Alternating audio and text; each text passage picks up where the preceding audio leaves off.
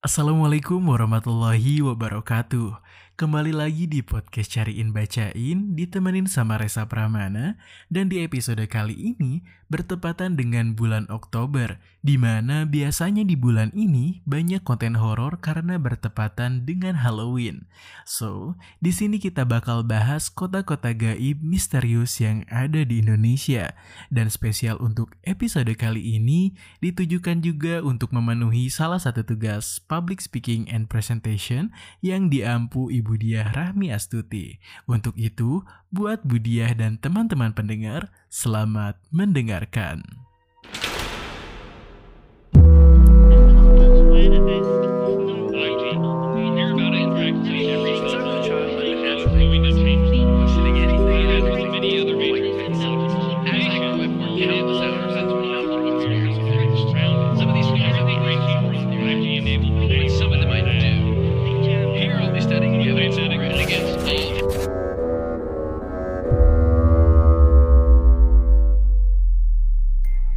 Kita langsung ke kota yang pertama, Padang 12. Kota ini terletak di antara Kecamatan Kendawang dan Pasaguan, Kabupaten Ketapang, Kalimantan Barat. Bagi orang awam, tempat ini hanyalah lahan 12 km yang dipenuhi dengan ilalang.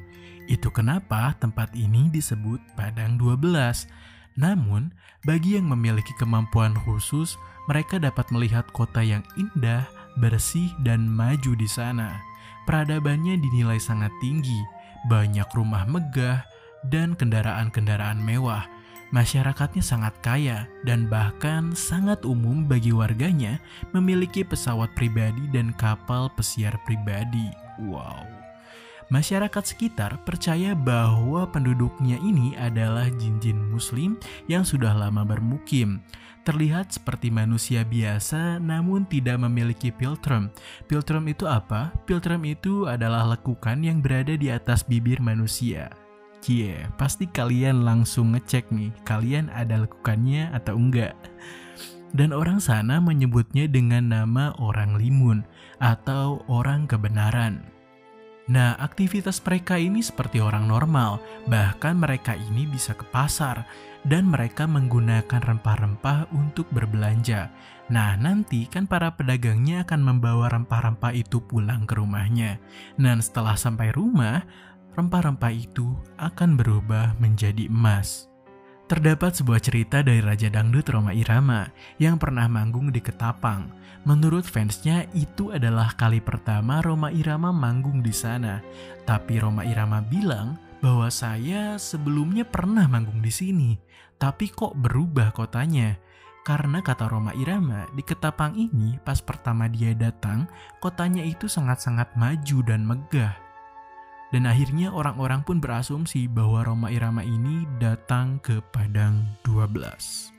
Dan katanya kalau yang pernah ke sana terus nyeritain tentang kota ini ke orang lain bahwa kota ini besar, bahwa kota ini megah dan sebagainya, pas dia tidur lalu dia terbangun, dia akan lupa akan semua tentang kota itu. Tapi kok ceritanya bisa sampai sini ya? Ya Allah alam sih.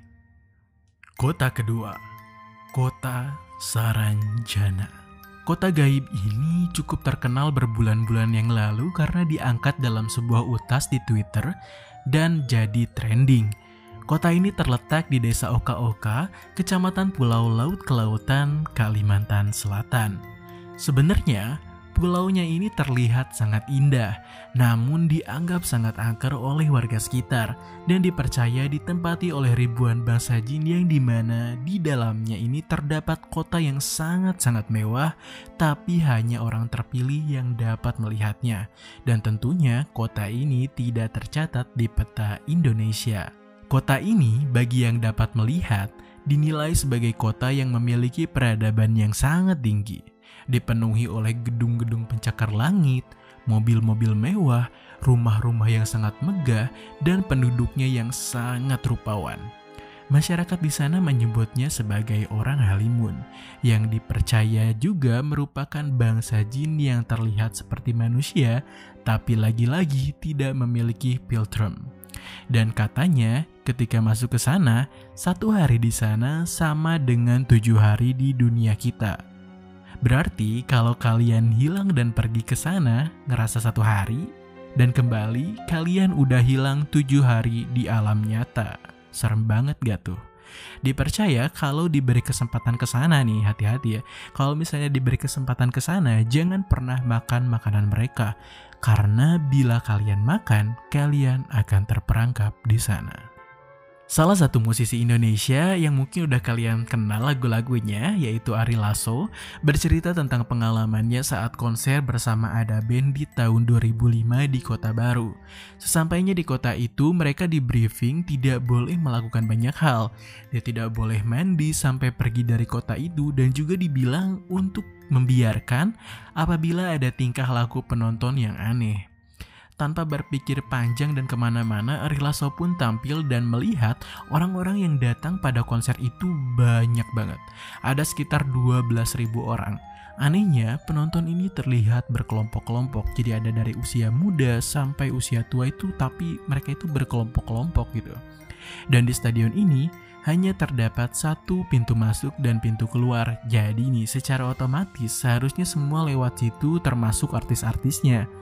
Nah, setelah beres konser dan turun panggung, Ari Lasso ini langsung naik ke mobil dan seharusnya berarti dia kan bakalan membelah penonton yang berjumlah sekitar 12.000 itu. Tapi anehnya pas udah ada di mobil, dia ngeliat kalau tiba-tiba 12.000 orang itu lenyap dan tiba-tiba sisa sedikit. Pas keluar pun dia gak ngeliat banyak orang. Dan yang mengerikannya ada testimoni dari salah satu penonton di salah satu YouTube channel bilang bahwa yang nonton gak sebanyak itu, toh stadionnya juga kecil. Bahkan menurut penuturannya saat konser itu mereka masih bisa leluasa dan tidak berdesakan. Ya, yeah, serem banget gak sih itu? Dan setelah itu, ini parahnya sih ya, manajer Ari Lasso malah mandi, padahal sudah dilarang dan akhirnya ketika beres mandi, di lantai satu terjadi sebuah kecelakaan yang menimpa kepala produksi dari acara itu yang membuat tangannya patah. Satu cerita lain yang paling terkenal adalah pada tahun 1980, pemerintah setempat dikagetkan dengan datangnya alat-alat berat secara tiba-tiba yang berasal dari Jakarta dan telah dibayar dengan lunas serta tidak diketahui siapa pemesannya. Sedangkan harga alat-alat berat itu kan mahal banget ya. Lalu pengantarnya ini berkata bahwa alat berat ini dipesan untuk kota Saranjana dan semua pun terkaget karena tentunya kota ini tidak ada di dalam administrasi daerah itu. Menurut cerita turun-temurun, diceritakan bahwa dulunya kota Saranjana ini memang ada di peta Indonesia, dan memang ternyata ada di peta Belanda untuk Indonesia yang ditulis oleh salah satu penjelajah Belanda dalam bukunya yang berisi peta pedalaman Borneo. Dulunya, katanya ada satu sesepuh penjaga di kota Saranjana ini akan pergi berhaji. Namun karena takut kotanya terkena penjajah dan kenapa-napa, ia pun membuat kota Saranjana menjadi gaib. Dan ketika belum sempat kembali, beliau meninggal di Mekah. Nah, itulah cerita tentang kota-kota misterius di Indonesia. Sebenarnya masih ada beberapa, dan kalau kita lihat-lihat polanya dan bentuknya hampir sama. Rata-rata memiliki ciri penduduk yang sama dan peradaban yang sangat-sangat maju. Mungkin Indonesia bakal dinilai negara maju kalau kota-kota ini kelihatan kali ya. dan ya, itu semua adalah legenda. Mau percaya atau tidak, itu tergantung pada diri kalian masing-masing. Wallahu alam.